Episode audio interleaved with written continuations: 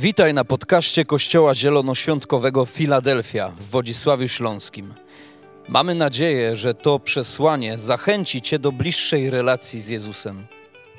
Jeżeli jesteś ciekaw, kim jesteśmy, zapraszamy Cię do odwiedzenia naszej strony internetowej filadelfia.org.pl. Do zobaczenia w Filadelfii. Chwała Ci, Panie. Jesteś niezwykły, jesteś niezwykły, jesteś cudowny. Tobie chwała najwyższa. Cały Kościół głośno powie Amen. Amen, amen. Ale cudownie. Słuchajcie, są z nami ludzie online i staramy się co jakiś czas ich pozdrowić. A więc e, pozdrawiamy Belę z Luksemburga, Adriana, pozdrawiamy Zibi Zibi z Monachium, pozdrawiamy Marka, Macieja z e, UK, Stock Trend. E, tutaj jeszcze z nami jest Iwona nasza, e, z Wojtkiem. Moi drodzy, wszystkim Wam ślemy cudowne, cudowne pozdrowienia. Także jest Aneta z Doncaster, e, Mirek z Italii. Boże, ile tu jest ludzi. Nie wszystkich Was jesteśmy w stanie wymieniać, e, ale wszystkim Wam ślemy serdeczne, serdeczne e, pozdrowienia. Nie chcemy tutaj z nazwisk też wymieniać, no bo to RODO i te wszystkie inne szaleństwa. E, Ale pozdrawiamy tak jak się da i cieszymy się, że jesteście z nami. Czy ktoś dzisiaj jest pierwszy raz na naszym spotkaniu? Ktoś jest? Łapka w górę. Kto jest? Kto jest? Kto jest? Ktoś jest? A drugi raz? Gosia, sztormy i burze dla Ciebie. Proszę. I tu dla tych, dla tych Państwa poszukiwaczy skarbów. Proszę. Prezent ode mnie. Moi drodzy, e, trzecia część naszego absolutnie fenomenalnego cyklu, mówiącego o Bożej miłości, e, pod tytułem Oczami miłości, część trzecia. I dzisiaj zaczniemy grubo, ale skończymy dobrze. Pamiętajcie, e, więc e, jak na początku będzie Wam trochę niewygodnie, to dobrze, ale pamiętajcie, wylądujemy e, miękko. I na wstępie jeszcze raz sobie przypomnijmy definicję miłości. Miłość czeka cierpliwie. Miłość postępuje uprzejmie, nie zazdrości, miłość się nie wynosi, nie jest nadęta. Postępuje taktownie, nie szuka własnej korzyści, nie jest porywcza, nie prowadzi rachunku krzywd, nie cieszy się z niesprawiedliwości, lecz dzieli radość z prawdy. Wszystko zakrywa, wszystkiemu wierzy, ze wszystkim wiąże nadzieję, wszystko potrafi przetrwać, miłość nigdy nie ustaje. Piękna definicja. Jeżeli zadajesz sobie pytanie, jaka jest Boża miłość, to, to otwórz pierwszy list do Koryntian, 13 rozdział, pierwsza część i tam jest opisana Boża miłość, abyśmy nie mieli jakichkolwiek wątpliwości, czym ona się charakteryzuje. Dlaczego? Dlatego, że my mamy jako ludzie różne koncepcje miłości, pomysły na miłość. Czasami nam się wydaje, że ta Boża miłość to jest taka, wiecie, taka miodowa historia z Hollywood, wyciskacz łez e, i te wszystkie wzniosłe chwile, albo z drugiej strony czasami nam się wydaje, że ta Boża miłość to taka surowa, smagająca. Więc przeczytajmy, czytajmy, ja sobie też to czytam, ja też to biorę, żeby zrozumieć, jaka ona jest. Jakikolwiek miałbyś pogląd na temat e, Bożej miłości, to zarówno ty, jak i ja jeszcze jej do końca nie zrozumieliśmy. Dlatego, że ona jest boskiego pochodzenia i człowiekowi ze względu na to, że my mm, zawsze kochamy trochę za coś, trudno zrozumieć, że można kochać za nic. Tylko po prostu, bo się jest. Prawda? E, a więc zaczynamy trzecią część i zaczynamy od takiego stwierdzenia, że Bóg jest sędzią. Wow. Bóg sądzi nas sprawiedliwie i zaczniemy w ogóle od koncepcji sądu. To jest niezwykle ważne, bo to będzie pokazywało, czym jest Boży Sąd, ku czemu on jest i dlaczego warto być osądzanym przez Boga. A więc Bóg sądzi nas miłosiernie, a więc jeżeli On nas sądzi miłosiernie, to też w naszej tej chrześcijańskiej podróży chodzi o to, abyś Ty sądził miłosiernie ludzi wokół Ciebie. Jak wielu z Was cieszy się, że Bóg jest dla Ciebie miłosierny? Każdy normalny człowiek cieszy się, że Bóg jest dla niego miłosierny. A teraz chciałbym Ci zadać pytanie. E, spójrz na sąsiada i powiedz, pomyśl sobie, czy cieszysz się już z powodu tego, że Bóg okazuje miłosierdzie Twojemu sąsiadowi? A, a, a najlepiej pomyśl jeszcze o takim, który na to nie zasługuje po ludzku. Jakaś, przepraszam za wyrażenie, kanalia. Przepraszam za to słowo, może jest zbyt mocne, ale z drugiej strony chcę Wam powiedzieć, że bardzo łatwo, czy jakby w naturalny sposób przyjmujemy Boże miłosierdzie do naszego życia, ale może czasami, o tym dzisiaj będziemy mówić, trochę trudno nam jest przyjąć, kiedy Bóg miłosierny jest względem innych ludzi, którzy w naszym rozumieniu na to kompletnie nie zasługują. A więc Boży Sąd. Moi drodzy, czym jest Boży Sąd? Posłużę się pewną ilustracją.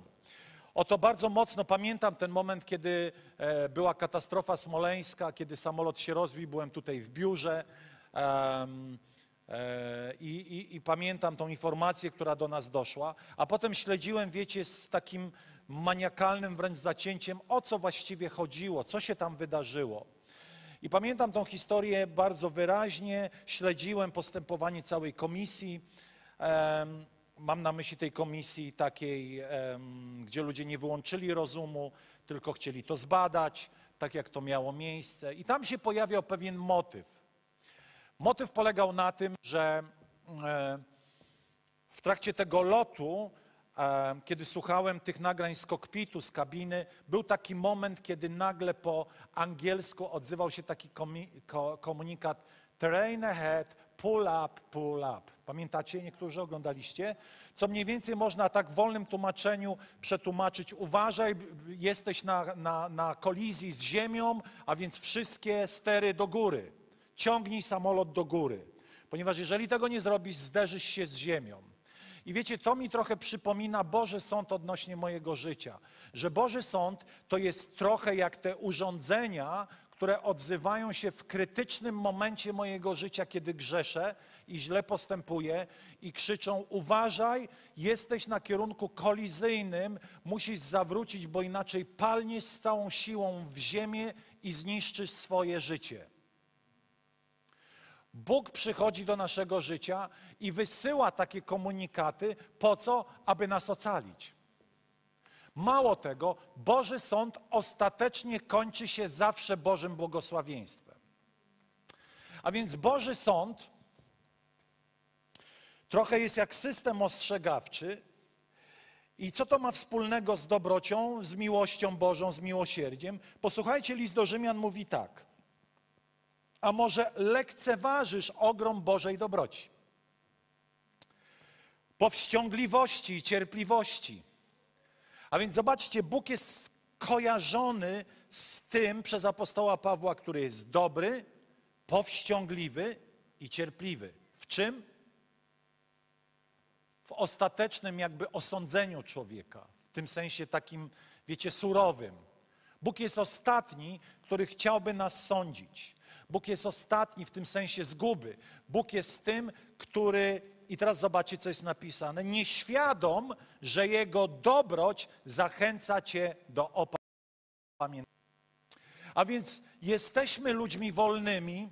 Bóg szanuje naszą wolność, ale Bóg pragnie przemawiać do naszego życia, abyśmy zostali ocaleni z, z, e, z tragicznych skutków naszego błądzenia, grzeszenia i zbaczania z Bożej drogi. Za chwilę się dowiecie, co to ma wspólnego z miłością, ale chcę Wam powiedzieć, że w samej definicji słowa grzech, definicja, właściwie w tym znaczeniu tego słowa, grzech znaczy mijać się z celem. Co to znaczy? Dla nas wiele razy, żyjących w takim e, mrocznym, religijnym środowisku, grzech to jest robienie jakichś straszliwych rzeczy, za, na przykład zagrożonych kodeksem karnym grzech zabić kogoś, okraść, uwieść czyjąś żonę.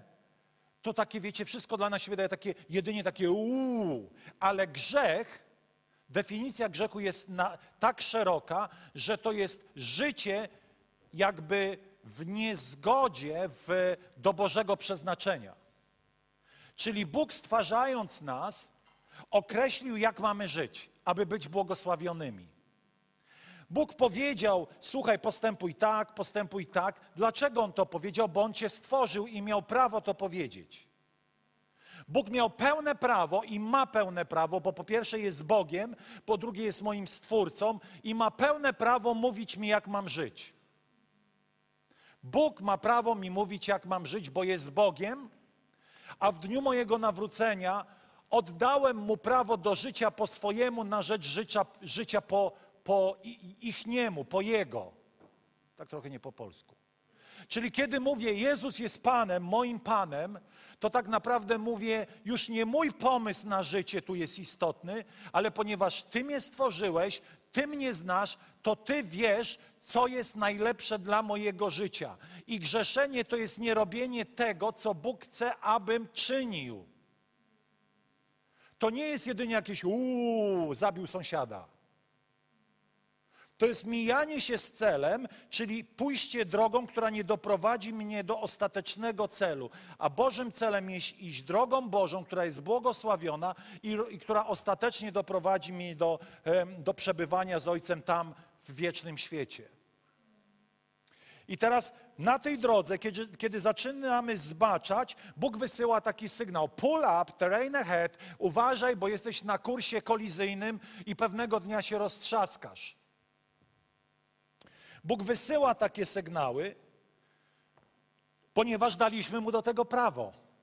Tak? W dniu nawrócenia, nie wiem czy wiesz, czy byłeś do tego aż tak świadom, dał, oddałeś mu prawo do mówienia ci, jak masz żyć.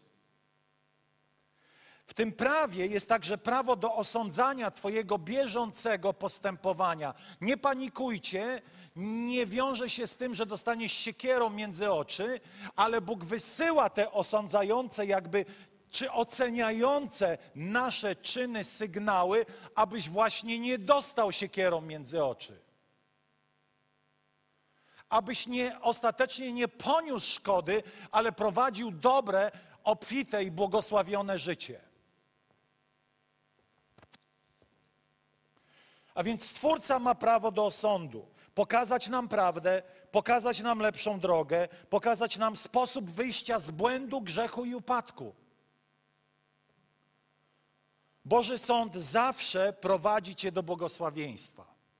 Nie wiem, jak to się utarło, że wiecie, bardzo często także my w Polsce przyjmujemy taki, taki ciermiężny, toporny, ciężki rodzaj chrześcijaństwa. Wszystko jest takie ciężkie, mozolne, zmagające się. Wszystko jest taką, wiecie, jakieś słyszałem taką piosenkę chrześcijańską, której ostatnia, ostatni wiersz był tylko pot, mozuł i łzy. Matko jedyna, że się ktoś po tej piosence nawrócił, to desperat. Jest to naznaczone pewną, pewnym religijnym myśleniem o tym, czym chrześcijaństwo jest. Chrześcijaństwo zostało sprowadzone do jakiejś siły samonaprawiania się, do jakiejś siły samodyscypliny, czy właściwie takiej e, samodyscypliny wynikającej z mojej siły, e, samonaprawiania się, wzrastania. I wiecie, ja już jestem zmęczony tym ciągłym, że muszę. Musisz wzrastać, musisz być dojrzalszy, musisz pracować nad sobą. Często ludzie spotykają się ze mną i mówią: Tak, wiem, muszę pracować nad sobą. Głupie to jest. Wcale nie musisz pracować nad sobą, bo nie jesteś w stanie pracować nad sobą. Jeżeli byłbym w stanie pracować nad sobą, Chrystus na krzyżu daremno by umarł. Dlaczego ja o tym mówię? Dlatego, że jedno to to, że Bóg osądza nas w sytuacji, kiedy błądzimy, ale w drugiej strony zawsze wyciąga rękę, aby nas z tej drogi błędnej wyciągnąć. I On ma do tego siłę, On ma do tego moc i On ma swoje odpowiedzi na nasze błędy.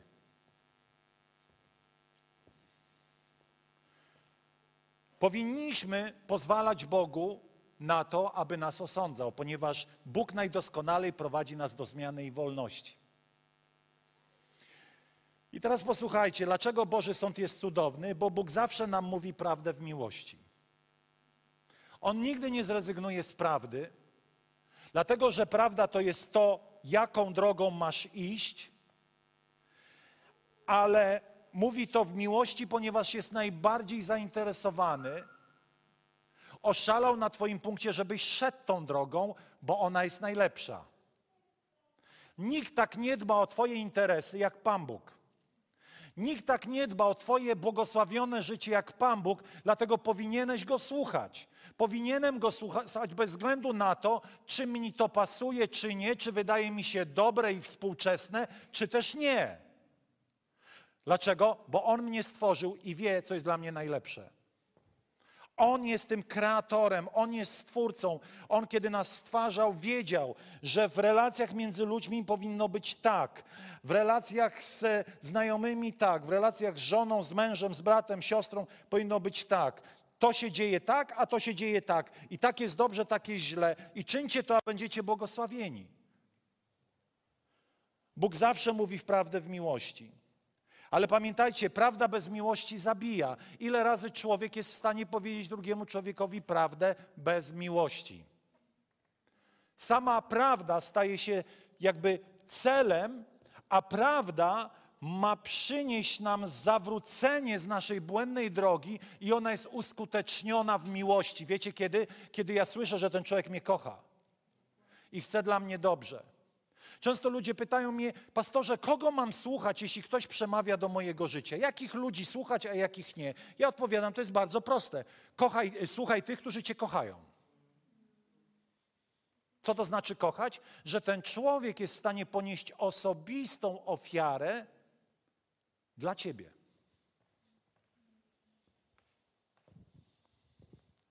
Bóg mówi nam zawsze prawdę w miłości. Boży sąd przynosi najlepsze rozwiązanie do mojej zagmatwanej sytuacji.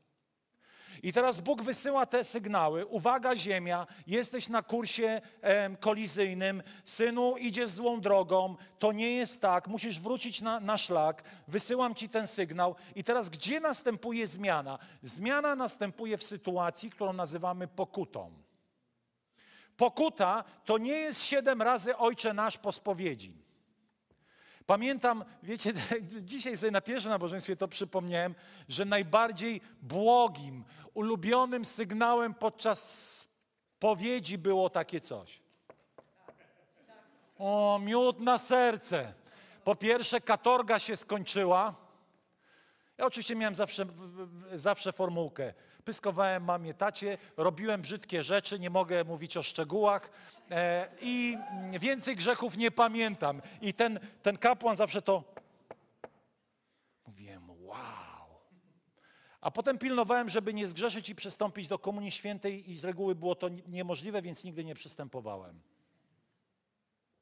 I byłem kompletnie jakby, ale wiecie, ten, to, to nie jest pokuta, kiedy ktoś ci mówi cztery razy Ojcze Nasz, pięć razy Zdrowaś Mario. Pokuta to jest zmiana sposobu myślenia na temat czynu, miejsca, w którym jestem i odwrócenie się od tego w atmosferze smutku. Pokuta nie jest cynicznym, sorry Panie Boże. Prawdziwa pokuta zawsze wiąże się z żalem, moim osobistym żalem, że, że to, co zrobiłem, było złe.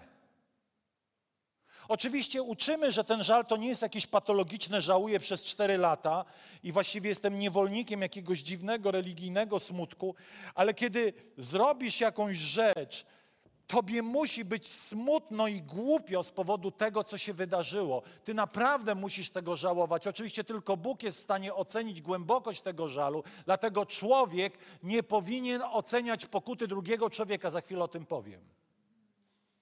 Ale kiedy ja mówię do ciebie i mówię do siebie, to chcę ci powiedzieć, że prawdziwa pokuta zawsze wiąże się z żalem, że to po prostu było okropne, to było bez sensu, Wstyd mi za to. Ja i tylko ja biorę odpowiedzialność za to i, i, i, i naprawdę aż mi niedobrze na samą myśl, kiedy pomyślę o tym, co zrobiłem.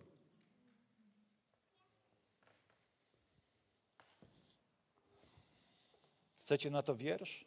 Bo nawet jeśli zasmuciłem was listem, apostoł Paweł mówi do Koryntian, nie żałuję. A jeśli żałowałem, widzę bowiem, że tamten list przynajmniej na chwilę was zasmucił. To teraz się cieszę. Nie dlatego, że zostaliście zasmuceni, ale dlatego, że zostaliście zasmuceni dla opamiętania. Dla metanoi, czyli, czyli zmiany sposobu myślenia, greckie słowo metanoia, epistrefo, czyli odwrócenie się od tego, co robiłem. Że zostaliście zasmuceni do opamiętania, znaczy to, że zostaliście zasmuceni po Bożemu. Tak, że niczego z naszego powodu nie straciliście, gdyż smutek pochodzący od Boga wywołuje opamiętanie, można powiedzieć nawrócenie, którego się nie żałuje. W tym sensie nie żałuję, że nie żałuję, że się opamiętałem. To było dobre. Przeżyłem ten smutek, opamiętałem się z tego postępowania. Którego się nie żałuje, tak, przepraszam, którego się. On prowadzi do zbawienia, w tym sensie do uratowania. Natomiast smutek wzbudzany przez świat prowadzi do śmierci. I teraz, kiedy postępujesz źle, przychodzą do ciebie dwa rodzaje smutku. Jeden demoniczny, który ciebie dobija, sprawia, że popadasz w samopotępienie, porzucasz nadzieję, że Bóg cię kocha, czujesz, że rozczarowałeś Boga. Ten smutek odrzucamy. W tym sensie, że to jest smutek demoniczny. Książę tego świata przychodzi, aby ciebie oskarżać. Po co? Abyś już się nie podniósł. Ale smutek z Boga mówi: Synu, wysyłam ci sygnał, źle robisz, ale moja miłość cię podnosi, moja miłość wybacza, może moja miłość jest większa niż ten grzech. Idź i nie grzesz więcej. A kiedy znowu zgrzeszysz, znowu ci powiem: idź i nie grzesz więcej, idź i nie grzesz więcej. Aż pewnego dnia zupełnie odniesiesz zwycięstwo, bo moja dobroć zawsze będzie cię podnosić, choćby to miało trwać tysiąc lat. Choćby to miało trwać tysiąc lat, ostatecznie zwyciężysz. Bóg z miłości wzywa nas do nawrócenia. Do nawrócenia od rzeczy, które wydaje nam się po ludzku nie są niczym złym. Każdy coś ukradł, jeden więcej, drugi mniej, więc ja coś mniej ukradam, więc nie jest to aż tak dużo. Każdy kiedyś myślą zgrzeszył, patrząc porządliwie w inną stronę, więc ja też to mogę robić i tak dalej, i tak dalej. Wiecie, możemy wszystko robić, ale nie wszystko jest dobre. Pewnego dnia to, co pozwolimy, aby zaczęło dominować w naszym życiu, zabije nasze życie. Dlatego Bóg mówi terrain ahead. Uważaj, ziemia na kursie kolizyjnym. Pull up, ciągnij w górę, poderwij samolot do góry, abyś się nie rozbił. I pewnego dnia to, co sprawiało nam przyjemność, zaczyna nas męczyć bo przybliżamy się do Boga, bo Bóg zaczyna wysyłać swoją obecność, która zaczyna nam mówić: Ej, to nie jest dobre, to nie jest właściwe.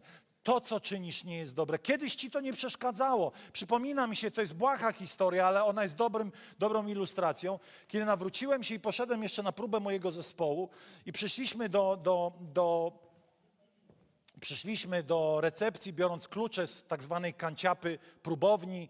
Bierzemy klucze i te klucze gdzieś zaginęły. I nagle mój kolega zaczął wydzierać się po portierce, wyzywać ją, a ja mówię: Ej, stary, a co ty tak przeklinasz?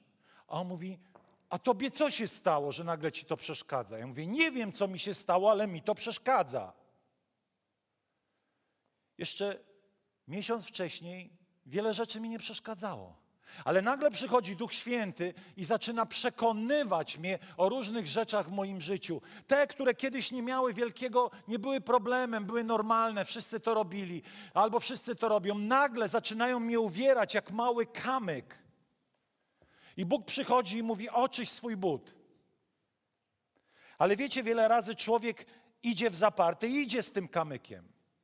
Ja mam taką trasę, która która po tam lesie, z którym jakby sąsiaduje mój dom, to jest trasa około 4 kilometrów. I kiedyś jeszcze jak byłem młodszy, to biegałem. Dzisiaj tam chodzę z psem. I wiecie, czasami przy tym bieganiu wpadł mi malutki kamień.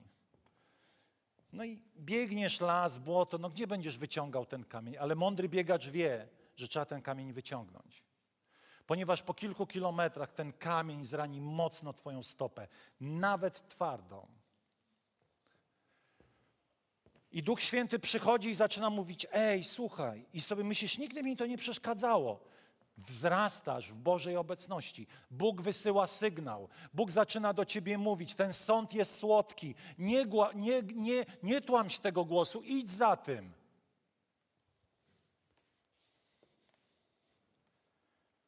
Jesteś wolny, zawsze możesz to odrzucić, jednak wtedy narażasz się, że zostaniesz pochłonięty przez swoje złe, grzeszne nawyki. Pokuta wiąże się z Bożym sądem, jednak chroni nas on przed ostateczną katastrofą. Czym jest Boży sąd? Boży sąd jest pokazaniem i wezwaniem do nawrócenia z rzeczy, które zabijają Ciebie jako człowieka tu na ziemi które mnie zabijają. Czasami mają pozór dobra, czasami mówią to nic takiego, czasami mówią wszyscy tak robią. Ale wiecie, Bóg jest miłosierny i przychodzi i, te, i, i, i to prowadzi nas do zmiany. I wtedy jesteśmy, wiecie, naprawdę po jakimś czasie, na początku nas to boli, ale kiedy wychodzimy z tego stanu za miesiąc, dwa, trzy, mówimy Jezu, dziękuję Ci. Dlatego, że wtedy dopiero zobaczyłeś prawdziwymi, prawdziwym wzrokiem, czym to było.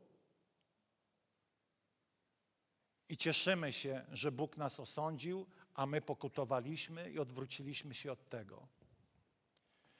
I cieszymy się, tak jak Jonasz, bo o Jonaszu jeszcze chciałem wam na koniec powiedzieć. Jonasz, bohater starotestamentowy, był wysłany, był powołany i wysłany przez Boga, aby, aby co zrobić? Iść do miasta, które się na, nazywa Niniwa, nazywało Niniwa i przemówić do grzesznych ludzi, którzy mieszkali w tym mieście. Niniwa była znana z tego, że mieszkańcy tego miasta do perfekcji opanowali obdzieranie ludzi ze skóry.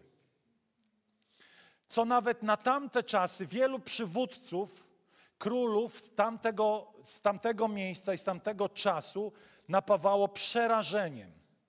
Ich bestialstwo wzbudzało lęk w okolicznych państwach. Można powiedzieć, to byli degeneraci, faszyści świata starożytnego hitlerowcy ówczesnej cywilizacji. Eksterminowali wszystkich, którzy im się napatoczyli, a byli ich wrogami. I Pan Bóg mówi, Jonaszu, pojedziesz do Niniwy. I co robi Jonasz? Jonasz sobie myśli, nie pojadę do Niniwy, czyli zgrzeszę, pojadę w drugą stronę. Pamiętacie, czym mówiłem wam jest grzech? Chybieniem celu. Pan Bóg mówi, pojedziesz do Niniwy, a Jonasz mówi, pojadę do Tarszyszu. Tarszysz był znany z tego, że był miastem handlowym, można powiedzieć taki New York, New York tamtych lat. Biznes tam kwit, miasto dobrobytu. I on sobie pomyślał, ucieknę od Boga, pojadę tam, czyli chybię celu, czyli grzeszę. Grzeszenie to nie tylko robienie okrutnych rzeczy, to też robienie, nie robienie rzeczy właściwych. Ilu ludzi na tej sali Bóg powołał, oni ciągle tylko siedzą w swoich ławkach. Ilu ludzi zostało obdarowanych w tu w kościele, a oni ciągle trzymają swoje dary zamknięte w swoich szafkach. Kto może czynić dobrze, a nie czyni, co jest napisane? Dopuszcza się grzechu, chybi celu, bo twoim zadaniem jest czynić dobrze. A więc Jonasz nie czynił dobrze. Wsiadł na statek i z powodu Jonasza statek wpłynął w oko cyklonu, w burzę. I wiecie, zastanawiali się ci dowódcy tego statku, jaka jest przyczyna, że dzieje się to, co się dzieje. I w końcu ostatecznie, skracając historię, doszli do wniosku, też Jonasz się przyznał, że to przez niego. I wyrzucili typa do wody. Wyrzucili problem. I historia opisuje, że Jonasz został zjedzony przez wielką rybę. Dla sceptyków, mówię, jest nowożytne świadectwo, historia zdarzenia pewnego człowieka, którego ryba połknęła i którego odratowano z wnętrza ryby, zjadła go po całości. E, Jak ktoś bardzo chce, mogę, mogę się dowiedzieć, kto to był, kiedy i, i, i tak dalej. No w każdym bądź razie ten Jonasz siedzi w tej rybie i zaczyna wołać do Boga. On już zrozumiał, on już pojął, że miał jechać do Niniwy. On pokutował i prosi Boga o łaskę. W modlitwie woła do Boga i, i Bóg z tą łaską przychodzi. Oto księga Jonasza, dwa, drugi rozdział, ósmy wiersz mówi: Gdy uchodziła już ze mnie dusza, zwróciłem się do Pana. I moja modlitwa dotarła do Ciebie, do Twojego świętego przybytku. Wyznawcy marnych bóstw porzucają swego łaskawcę, ale ja z wdzięcznością złożę Ci ofiarę, spełnię to, co ślubowałem, wybawienie jest u Pana. No wow, no słuchajcie, no cudownie. Naszył, narozrabiał, prosi o miłosierdzie, Bóg okazuje mu to miłosierdzie. Jest napisane, że ryba wypluwa Jonasza. Potem jeszcze raz Pan Bóg do niego przychodzi, cierpliwy, pełen miłosierdzia, mówi Jonaszu, no musisz jechać do tej Niniwy. No to Jonasz już dla swojego bezpieczeństwa powiedział, zgoda, pojadę. Pojechał. Przyjeżdża do Niniwy, a może jeszcze chwila, po, pogadajmy o tym, jaki Jonasz był. Nieposłuszny, kombinatorski, cierpliwy wobec siebie, ale egoistyczny, pozbawiony współczucia i miłosierdzia, cyniczny, egocentryczny, surowy wobec innych, łaskawy wobec siebie. Jednak pomimo tych wszystkich cech, Bóg oprzedł się z nim miłosiernie. I wiecie, w tej całej historii Jonasz pokutował, ale mam wrażenie, że, że nie odrobił wszystkich lekcji do końca tej księgi. Pokutował, zrozumiał, pojadę. Pojechał do Niniwy i zaczął głosić ludziom, żeby się nawrócili, ponieważ Bóg chce osądzić to miasto, to znaczy będzie musiał osądzić to miasto, a nie chce osądzić tego miasta, ponieważ kocha tych degeneratów, tych zboczeńców, tych sadystów, tych wszystkich okropnych ludzi, którzy mordują innych dla przyjemności. Bóg ich kocha.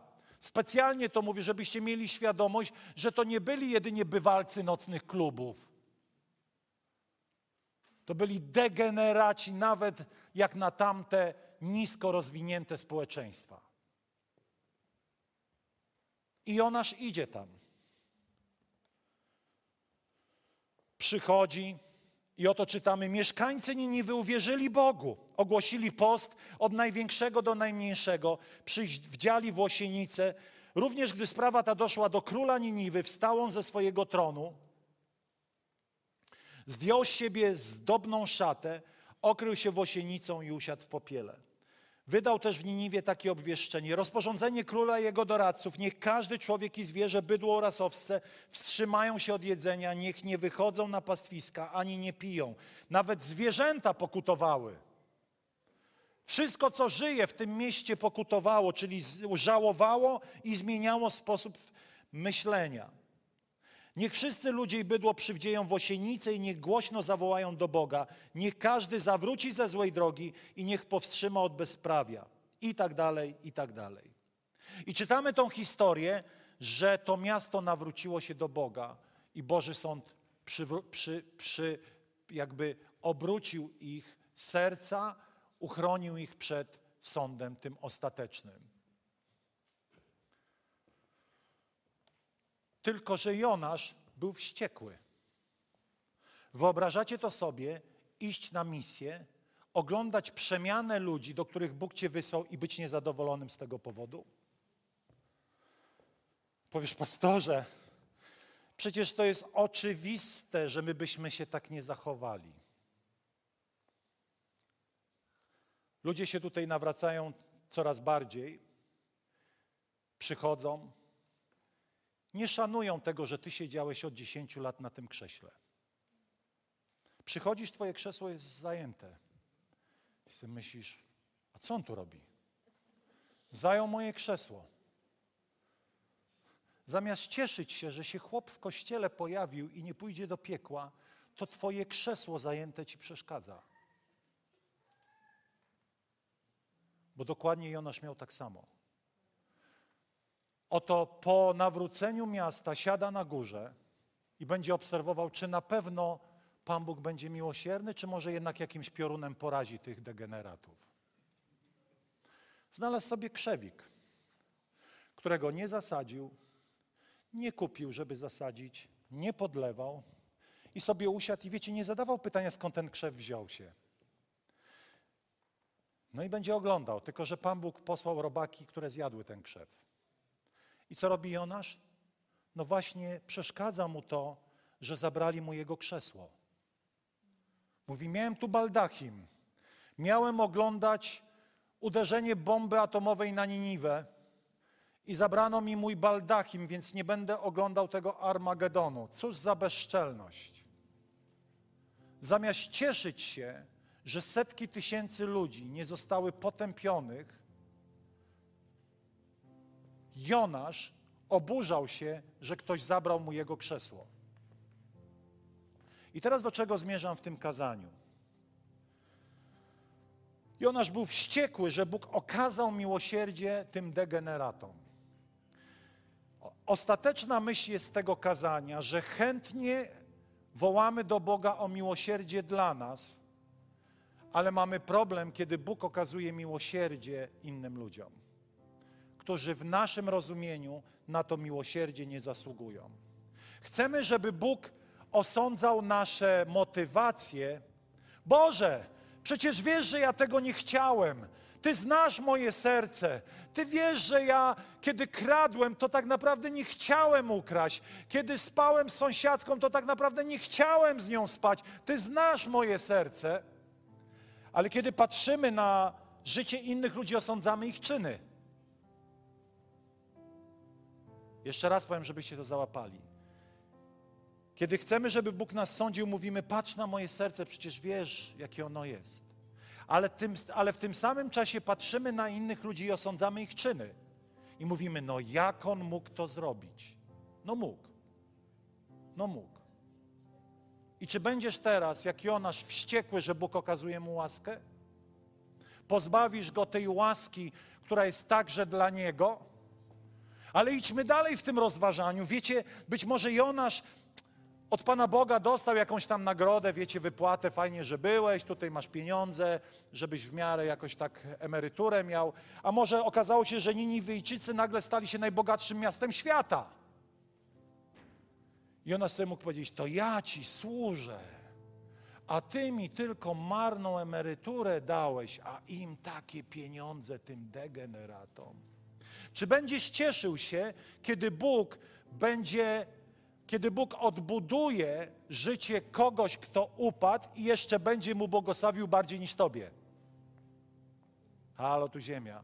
Powiesz, przecież on na to nie zasłużył.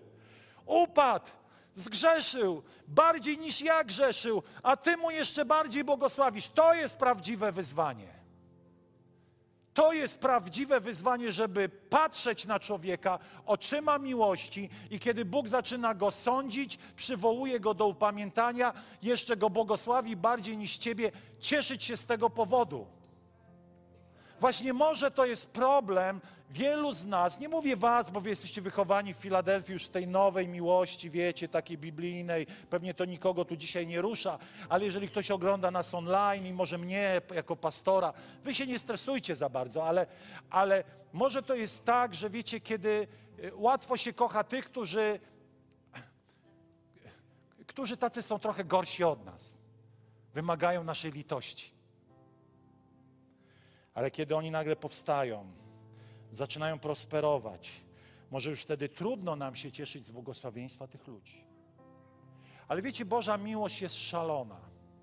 Boża miłość jest w stanie najbardziej upadłego człowieka wynieść do miejsca ultrabłogosławieństwa. Tak, pewne rzeczy czasami ciągną się za nami latami. Pewne bitwy ciągną się latami. Pewne negatywne skutki trzeba poukładać, ale nawet te skutki Bóg jest w stanie poukładać, pomimo że Ty narozrabiałeś.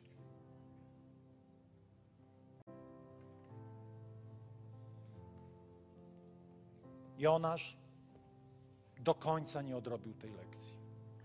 Jest napisane, że był zagniewany na Boga, że Bóg nie osądził Niniwy. Jeszcze raz powiem, wołamy o Bożą łaskę, szaloną miłość dla nas. Ale większą sztuką jest wołać o szaloną miłość nad drugim człowiekiem, który może jeszcze bardziej nagrzeszył niż ty.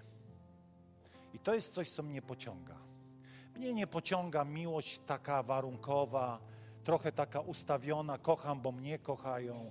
Mnie nie pociąga, wiecie, e, oczywiście fajnie jest prowadzić bogobojne życie i do tego wszyscy dążymy. Ale jeśli prowadzisz bogobojne życie, bądź wdzięczny Bogu i obdarzaj miłością innych ludzi. Nie wynoś się ponad nich. niczego nie masz, co jest Twoim osobistym, twoją, twoim osobistym sukcesem. Jesteś tym, kim jesteś, ponieważ dużo Bożej łaski dotknęło Twojego życia. Jeżeli nie upadłeś jakoś tragicznie, to nie dlatego, że jesteś tak cudowny. To dlatego, że Boża miłość Cię chroniła, Cię otaczała opieką, że Bóg chronił twoją, Twój słaby charakter, Twoje słabe życie. Ale niektórym inaczej się drogi potoczyły. Czy będziemy jak on, Jonasz obrażeni i mówili, Boże, zrób coś z tym. Patrzysz i nie grzmisz.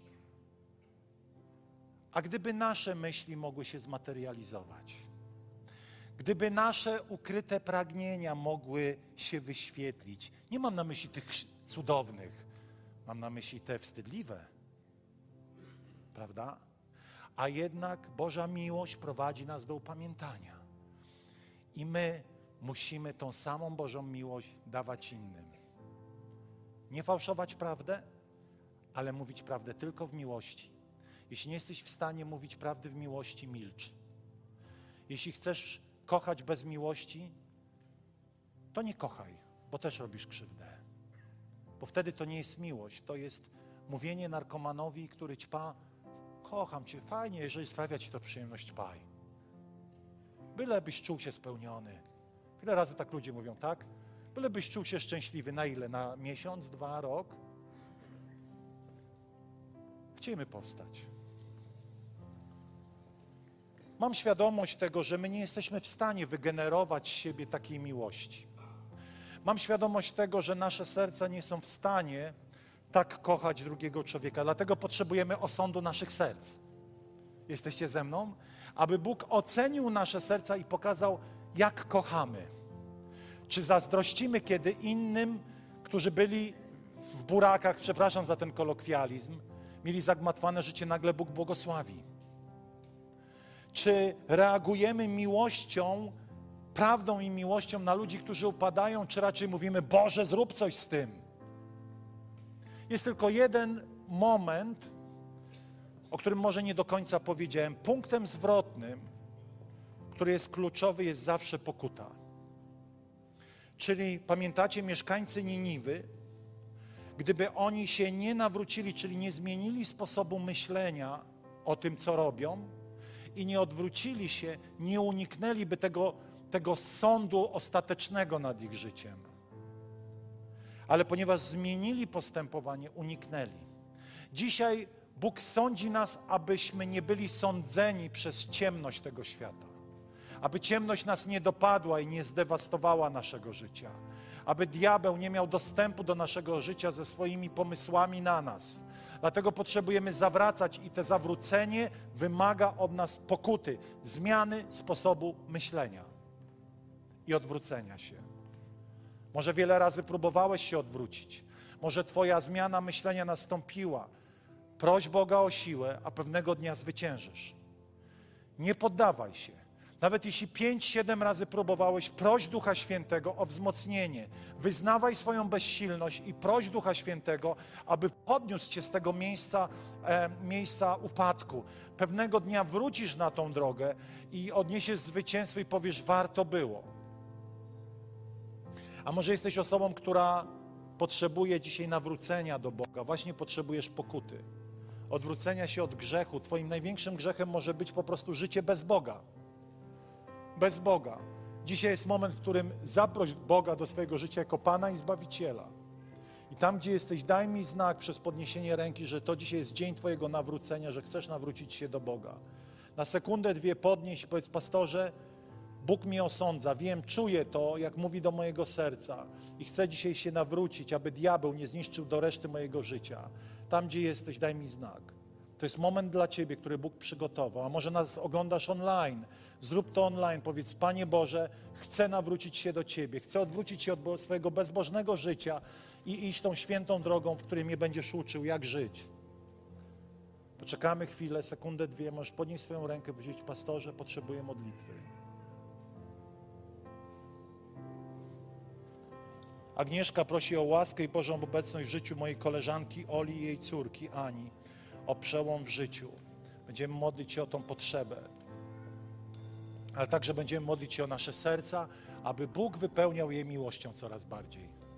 Aby Filadelfia była znana z szalonej miłości do ludzi, z szalonej miłości do Boga, z miłości, która nie, fa nie fałszuje prawdy o tym, co dobre, o złe, co złe, ale kocha ludzi i pragnie ich dobra i powodzenia i zbawienia. Panie, modlimy się, aby nasze serca były pełne miłości, której nie miał Jonasz, ale masz ją Ty do nas.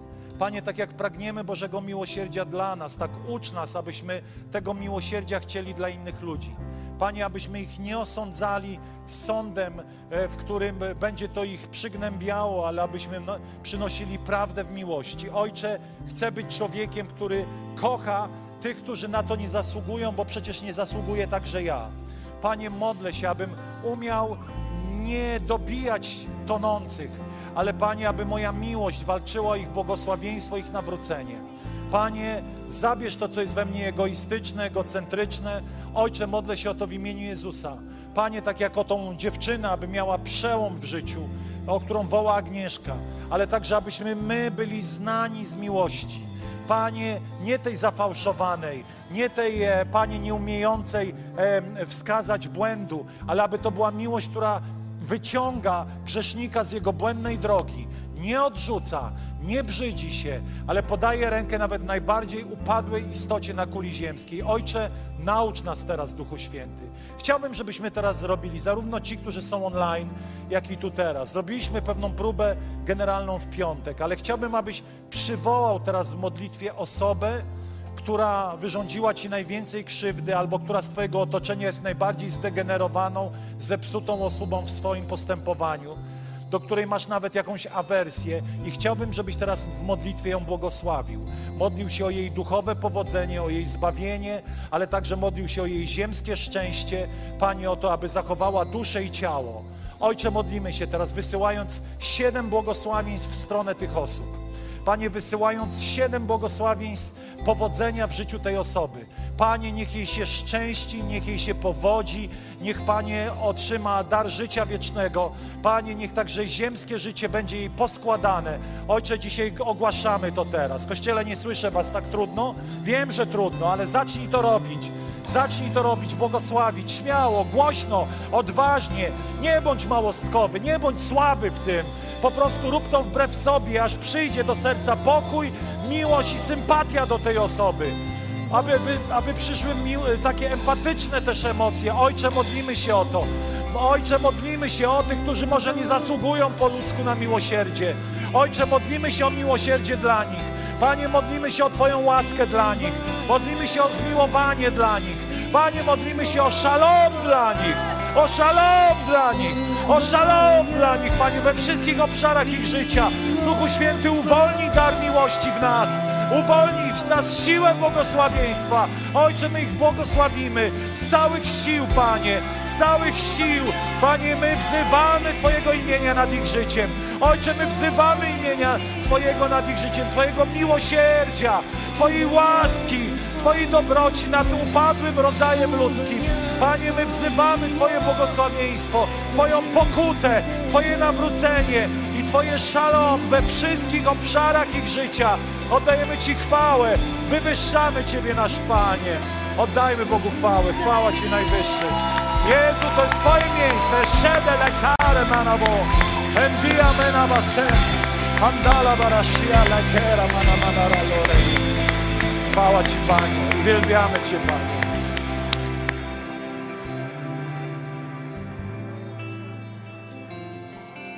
Uwielbiamy Cię, Panie. Uwielbiamy Cię, Panie. Być może Ty jesteś taką osobą, która w swoich oczach czuje się niegodna, aby przyjąć Boże miłosierdzie. Boże miłosierdzie jest większe niż Twoje uczucia, niż Twoja miara tego, na co zasługujesz, a na co nie. Bo chcę, żebyś wyszedł z tego miejsca jako osoba, która z jednej strony zmienia myślenie na temat swojego grzesznego postępowania, ale z drugiej strony przyjmuje Boże miłosierdzie. Przyjmuje Boże miłosierdzie i Bóg da Ci łaskę do zwycięstwa nad tym, z czym tak bezskutecznie wiele lat wa walczyłeś. Bóg przyniesie Ci wolność, wypuszcza Cię na wolność teraz. W imieniu Jezusa. Ojcze, modlimy się teraz o uwolnienie, o uwolnienie, o uwolnienie z tego miejsca potępienia i porażki. Panie, modlimy się o to w imieniu Jezusa teraz. Niech przyjdzie zwycięstwo do serca tej osoby, która czuje się tak wzgardzona i niegodna. Ojcze, modlimy się teraz w imieniu Jezusa. W imieniu Jezusa, w imieniu Jezusa, w imieniu Jezusa. Shada lore, besia lore, Maria lore, Maria sandore, manara larares. Dziękujemy Ci, Panie. Dziękujemy Ci, Panie. Dziękujemy Ci, Panie. Kiedy Job modlił się o swoich prześladowców, o tych cudownych jakby doradców, którzy przyszli, wtedy przyszedł przełom. I wierzę, że Bóg chce Ci pokazać, módl się o tych, którzy Ciebie zranili, którzy zadali Ci krzywdę, a przyjdzie przełom do Twojego życia i odniesie zwycięstwo, ponieważ wiele, wiele rzeczy, które dzisiaj dewastują Twoją duszę, jest związanych z osobistym nieprzebaczeniem względem tych osób. Módl się o błogosławieństwo dla tych osób. Wysyłaj w modlitwie błogosławieństwo do tych osób, a przyjdzie przełom do Twojego życia. Zostanie zdjęte takie poczucie e, stresu, które Tobie towarzyszy od e, dłuższego czasu. Ono wynika z pielęgnowanej urazy do tej osoby, czy do tych osób. Imieniu Jezusa. Raczej chodzi o, o grupę osób, dwóch, trzech osób, które, które zadały Ci jakąś ranę, odrzuciły Cię i Bóg zachęca Cię, błogosław te osoby, wybacz, a zostanie zdjęty z Ciebie taki, taki opre, taka opresja, e, stres, który towarzyszy Ci od jakiegoś czasu i zabiera Ci życie, zabiera Ci radość. W imieniu Jezusa Chrystusa.